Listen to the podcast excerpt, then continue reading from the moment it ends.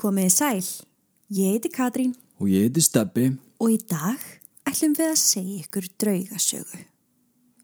Í dag ætlum við að taka ykkur með á suðrannar slóðir en á stað sem ferðamönnum er ráðlagt að heimsækja ekki og það er ekki af ástæðu lausu. Mexikoborg á sér mikla sögu og er yðandi af lífi og menningu. En í aðeins hálftíma akstri frá höfuborginni rennur á sem heimamenn forðast eins og heitan eldin. Eitt sinn full af blóði en í dag af hryllingi. Rennur eins og æðakerfi landsins sem stiplað er af meinum sem verður aldrei hægt að fjarlæga. En það ógulegasta af þessu öllu er eigin. Eigin þar sem dúkkur í þúsundatali hanga líflausar úr trjágreinum. Veri velkomin á eiguna, The Island of the Dolls.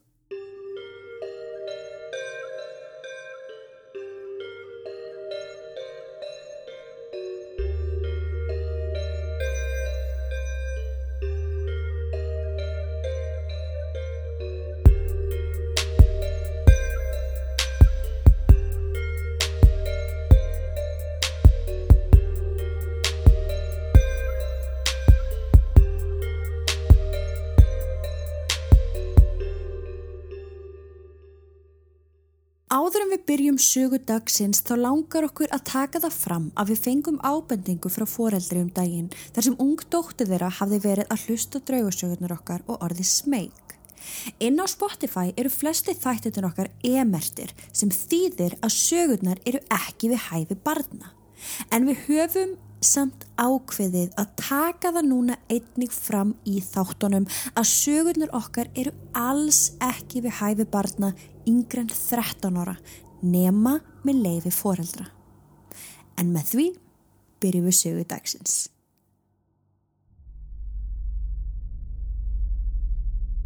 Djúft í miðju skólendi Mexiko rennur á sem heitir Xochimilco og þó hún sé aðeins í um klukkutíma akstri frá höfuborginni þá er það ekki fyrir en við komum að ánni þar sem ferðalagið okkar fyrst byrjar.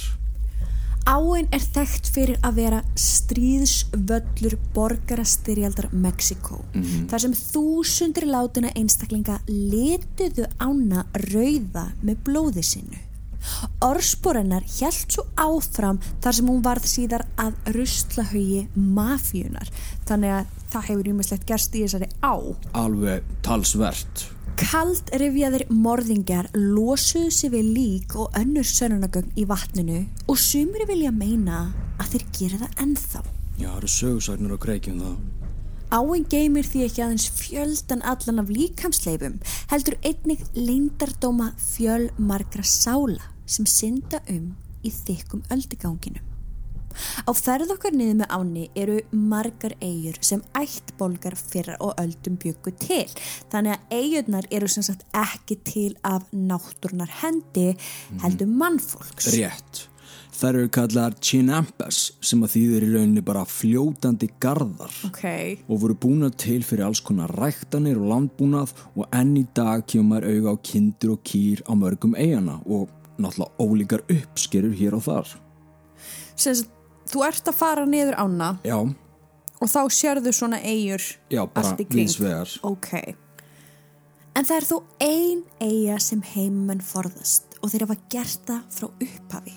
Á henni kvílir bölfun, segja þau. Það eru draugar í vatninu og djöflar í skóginum. En ef þú finnur einhvern sem er mögulega til í að sigla með þig að eiginni, þá getur allavega verið vissum að sá hinn sami verði samt eftir í bátnum. Því fólk með viti slígur nefnilega ekki fæti á þessa eigi. Við erum að tala um La Isla de la Muñecas, betur þekkt sem Island of the Dolls. Eyjan var ekkit uppgötuð af hinnum vestrana heimi fyrir ná nýjunda áratögnum og fram að því höfðu heimamenn forðast eyjuna með öllu. Nema einn maður, Don Julián Santana Barrera, eða við ætlum að kalla hann Julián Barrera. Ok, Hann var bóndi ræktaði gremmiti og alls konar ávexli sem hann seldi svo á mörkunum á meginlandinu. Hann var vinalegur en átti samt erfitt með félagslíf og einangraðist mjög mikið eftir skilna við konu sína. Eitt kvöldi þegar hann sildi niður með áni kom hann að stúlku sem lág fljótandi í áni sem var uppið þína dölafullu eigu. Hann stekkur á bátnum og reynir að koma henni til bjargar en allt kom fyrir ekki. Stúlkan var látin og Julian gæti ekki með nokkru móti vitað hversu lengi hún hafi verið aðna. Hann gæti ekki komið henni aftur til lífs. Hann var gjörsamlega ónýtur eftir þetta og fannst hann hafa brúðist stúlkunni. Svo tilugsun fylgd honum allt til dauða dags, sem og andi stúlkunar. Síðar þetta sama kvöld og hann fann stúlkuna kemur hann svo auga á eitthvað annað fljóðandi í vatninu, á sama stað og hann hafði fundið stúlkuna. Hann sá dögt hár sem flökti til með ströymi vassins í sterku tungsljósinu. Það gati ekki verið, ekki annað lík. Hann halla sér niður og dregur upp hárin sem reyndist vera dúka. Hann taldi þarna víst að þetta hafi verið dúka stúlkunar. Hann setur stjarfur í bátnum í stuttastund með dúkuna í fanginu og grétt. En svo fær hann hugmynd. Hann ákveður að hengja dúkuna á trjágrein á eiginni í þeirri von um að þessi gjörningur hans myndi friða anda stúlkunar og á einhvern hátt fannst honum hann einni vera bottinni virðingu með því að gera þetta. Hann komst og brátt að því að andi stúlkunar var gengin aftur og það sem meira var að hún gekk á eftir honum. Dag sem nótt fann Julian að hann var hvergi óöldur. Hún var allstaðar þar sem hann var. Hann fann sér því knúin til að koma með enn fleiri dúkur á eiguna sem hann hengdi upp í von um að andi stúlkunar myndi hætta að ásækjan því hann var jú góðu maður og reyndi eins og hann gat að bjargenni. Hann áttaði sig þó fljótlega á því að fleiri andar höfðu fest sig við dúkkurnar sem hann kom með á eigina og mögulega hafði hann gert ílt verra, miklu verra. Þeir sem stóðu Húlían næst segja að þetta áfall hafi gjörsanlega breytt honum. Hann var orðin allt annar maður, hugfangin af taugaveiklun og mikill í kvíðaröskun. Hann endaði á því að byggja sér lítið kofarhæsi á eiginni og hann var aðeins með eitt markmið í lífinu. Mm -hmm. Að sapna saman fleiri dúkum og hengja þar upp því ennþá gælt hann í þá von að þannig myndan róa andastúlkunar og nú allra hinna sem dvöldu þetta með honum. Hann leitaði dag og nótt af nýjum dúkum og hann fann margar í áni sjálfri og einni á ruslahaugunum. Stundum heimsóttan nærlegjandi þorp og bauð þá grænmeti í skiptum fyrir dúkur. Hann gerði þær aldrei neitt upp eða hrinsaði þær, heldur hengdan þær bara strax upp. Sumar dúkurnar voru því brotnar, útlímalauðsar eða án augna.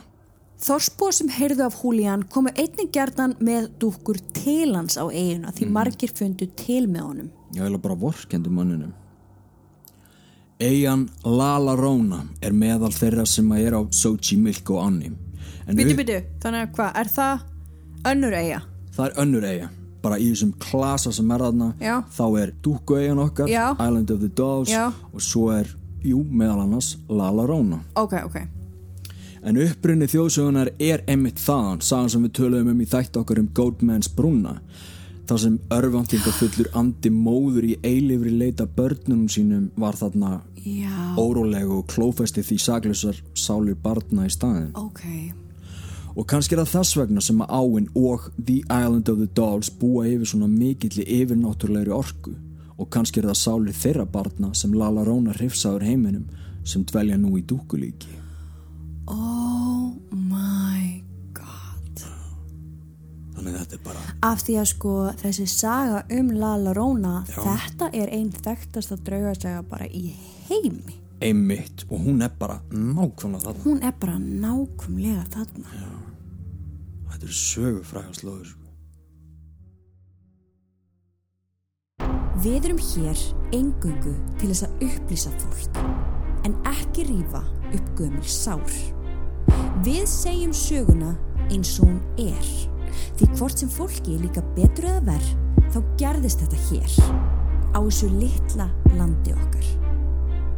Við vorum fyrst til að fara með ykkur á staðinn og leif ykkur að upplifa draugagangin með okkur í rauntíma.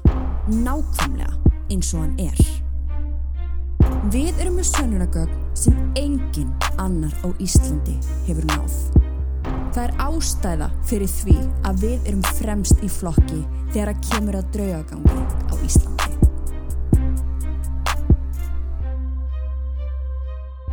Skoðuðu áskriftarleiðirnar inn á patreon.com skástrygg draugasögur.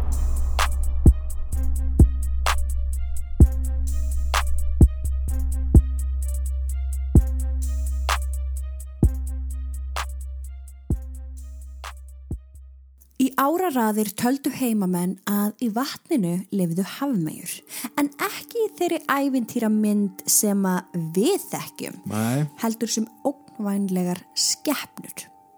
Dauðar sálir sem höfðu látið lífið í áni og breyst í ófreskjur sem vildu ekkit annað en að drekja ennþá fleiri lífum, klófesta og halda í gíslingu undir yfirborðinu. Julian sá stundum þessar skeppnur, þó ekki oft en nógu oft til þess að staðfesta þjóðsöguna að eigin sög. Nú, ok, ok. Þannig að hann basically býr þarna í þessu kofaræstni sínu með Allar sína dúkkur. og með sem sagt hafmegur í vatninu, óökulegar hafmegur í vatninu og svo dúkkurnar í kringum sig. Já, Það er voða- svo litið eins og maðurinn hafi bara mist vitið. Já, og svo segja margir, sko. Af því þetta var venjulegu maður áður fyrr. Já, alveg þangað til að hann fann þessa stúlku, döð. Hann allavega heldur áfram að sapna dúkkum í ára hugi. Sannfærður að þannig væri hann að halda öndunum góðum. Og yfirnáttúrulega eða ekki, þá störðu nú þúsundir líflausra augna á hann og fylgdunum við hvert fótmál. Sumar þeirra hlóu meiri segja að honum og hreyfðu sig, þótt enginn þeirra inni heldur batteri. Hvernig? Einmitt. What? Og smá út út úr en Já. ef þið hafið séð Ghost Adventures þættin, þáttinn þess að þeir fara Á eyjuna. Já, það er ótrúlega góður þáttur. Já. Það er mitt fyrir dúkka að hlæja. Þetta er- Einmitt, Já, alveg rétt, já, já, já. Mhm. Ó, það var creepy. Að morgni dags þann 21. apríl 2001 kom Anastasio frændi Julian til hans á eiguna. Hann ætlaði að aðstofa hann við að gróðusetja graskesfræ og annað. Þeir hefðu ákveð að fara samt fyrst út á vatnið og reyna að veiða einhverja fiska. Já.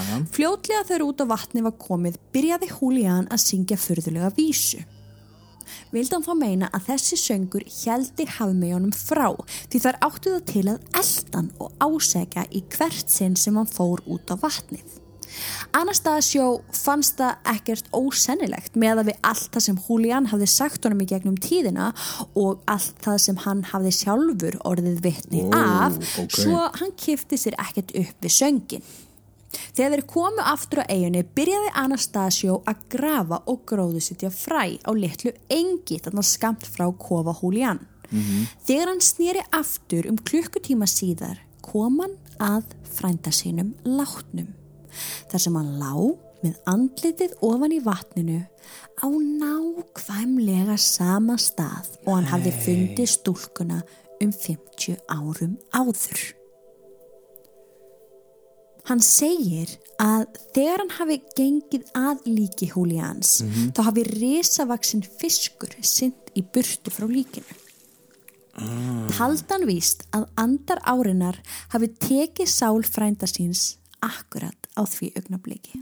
Já, þeir vilja sumi meina það að þessi risastóru fiskar séu þessir Séu þessi hafi hafi megu ferlíki verur Já, bara. Hvað sem það er svo mm. að því svo stóri fiskar bara lifa vist ekki í þessu vatn Nei, eða það ekki. Nei, Þannig að þetta er eitthvað þetta sem er þau eitthvað skilja ekki Já, hvað er. Þetta er eitthvað, eitthvað sem á ekki að vera þarna. Dánar orsök Húlians var hjarta áfall en vildu heimamenn meina að eftir að hafa búið einn á eiginni í meira en hálfa öld höfðu andar eigunar loks náð að lokkan til sín og sálans dvelji nú þarna á eiginni ásamt andastúlkunar. úff, sem ég held að sé alls ekkert ólíklegt Nei, það hafa vist náðust EVPs af röddunum hans á eiginni. já, Þannig að- já, alveg rétt og það var frændans sem staðfesti röddina Alveg rétt, já, já. af því hann þekkt hana svo vel Já, hann var svo eini sem hann var alveg umgangast. alveg rétt Í gegnum árin hafa hundruðir deilt frásögnum um yfirnáttúrulega hluti í grænd við eiguna og einn slíkur atbyrður gerðist fyrir ungan veiðimann fyrir tæpum tíu árum síðan. Hann sildi niður með ánni í litlum árabát til að veiða fiska sem hann gæti svo selt á mörkuðunum í þorpinu. Úr skóarjæðrinum umhverfis ána heyr hann svo þungan trommuslátt sem átti sér enga eðlilega skýringu. Trommuslátturinn nálgast hann óðfluga þó hann hafi þarna verið hættur að róa. Höggin sem virtust ferðast með vatninu urðu herri og herri þangu til þau umkringdan algjörlega þó enginn væri sjáanlegur. Lætin verða svo óbærileg og honum finnst hann vera að fá tauga áfall eða þá að hjarta hans væri að gefa sig. Svo allt í einu hættu þau. Hann fann fyrir létti en leið samt eins og hann hafi verið barinn til óbóta og ósýnilegu árásamennir væru farnir af vettfangi. Nokkrum dögum eftir atvikið kallar fjölskylda unga mannsins til prests eða svona sjömen Já. sem fengið var til þess að særa úr honum illa anda. Því frá því að atvikið gerðist hafði hann ekki sagt eitt auka tekið orð. Hann var búin að vera hljóður Já. alveg síðan hann lendi í þessu einn á árabátnum sínum í ánni. Vá, þú veist, maður getur ekki eins og ímynda sér hvað fór þarna fram. En eftir særinguna Já. þá gætt maðurinn loksins talað. Vá. Mm, það hefur greinilega bara eitthvað þannig eins og það hefur bara verið ráðist á hann. Ferðamenn flyktust að dúkku eiginu eftir dauða Húlíans og komu margir á anda barna og hryllilegra skeppna millir trjána í felum að fylgja skrant með öllum þínum reyfingum. Í gamla kofa Húlians hanga dúkkurnar sem honum þótti vænstum. Já. Hann hafði búið til altari í kringum eina dúkkuna sem hann gaf nafnið Antonia. Hann var búin að gera alltari. Já, Hvað var þessi maður að bauka hana? Veistu, hann er þarna einn á eiginni, Mhm. algjörlega sko örvæntingafullur, tauga veiklaður. Og gleymið því ekki, þetta er eiga sem enginn vildi fara á í, í mörg hundru ár. Einmitt. Og þarna umhverfis þessa dúkku sem hann skýrði Antonia voru alls konar armbönd, perlur og fjöldin allir að trúalegum munum og fyrir aftan hana í dag er núna brosandi mynd af Julian Barrera sem að væntanlega frændan við settum. Já. Margir hafa séð dúkkurnar reyfast og þá eru við ekki að tala um að hendi liftist, heldur að öll dúkkan reyfist eins og þær væru levandi. Augu þeirra fylgja reyfingum fólks og sumar byrtast við bryggjuna What? eins og þær vilji koma með eða að þú meir ekki fara. Hlátur heyrist í sífellu koma frá eiginni þegar þú siglir fram hjá henni og lýsa því margir hvernig eigin hafi einhvers konar aðdráttunar afl sem laði fólk að hryllingnum. Það hefur nú líka verið sagt um mjög mörg hús sem við Já, höfum fjallað um einmitt. eins og að sé eitthvað aðdráttar afl Mhm. og, Meiri þess að hérna heima á Íslandi. já, og þetta er náttúrulega bara rosalega orka. Já. þetta er í rauninni ekkert annað heldur en bara rosaleg orka sem þú bara laðast Já, af við erum orku verur og við viljum orku.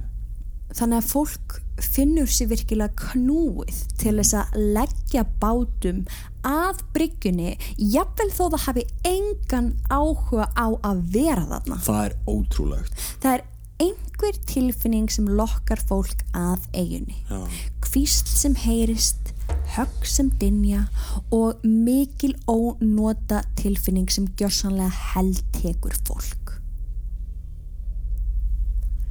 Þegar Tino, eitt þeirra heimamanna sem býður adrenalín þyrstum ferðamönnum í leiðangur, bauðst til þess að fara með þrjár stúlkur að skoða eiguna, hætti einu þeirra skyndilega við þegar þau komu að bryggjunni.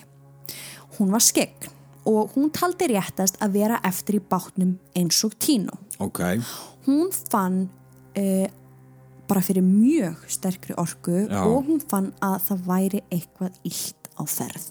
Hmm. Hinar tvær vinkonurnar stukku þó úr bátnum og reyndu að samfæra þessa þriðju að koma með þeim. Ég meina þær voru allavega komnar, Já, þær voru búin að fá hann gaur til þess að skutlast þeirra bátnum, þú veist, þú ert ekki að fara að beila núna. Já. Þannig að hún gefur sig á endanum og fer með þeim. En það liði ekki nema kannski þrjár mínútur þar til allar þrjár stúlkunar komu hlaupandi aftur að bátnum til Tínos. Þar sögðu að ein dúkkan hafi snúið höfði sínu í átt til þeirra og byrjað að skelli hlæja. Tino trúði samt ekki þessari frásögn vinkvennana Nú, og ok. steiga lögum upp úr bátnum til þess að fullvisa þær um að þær væru bara ímyndað sér. já, já.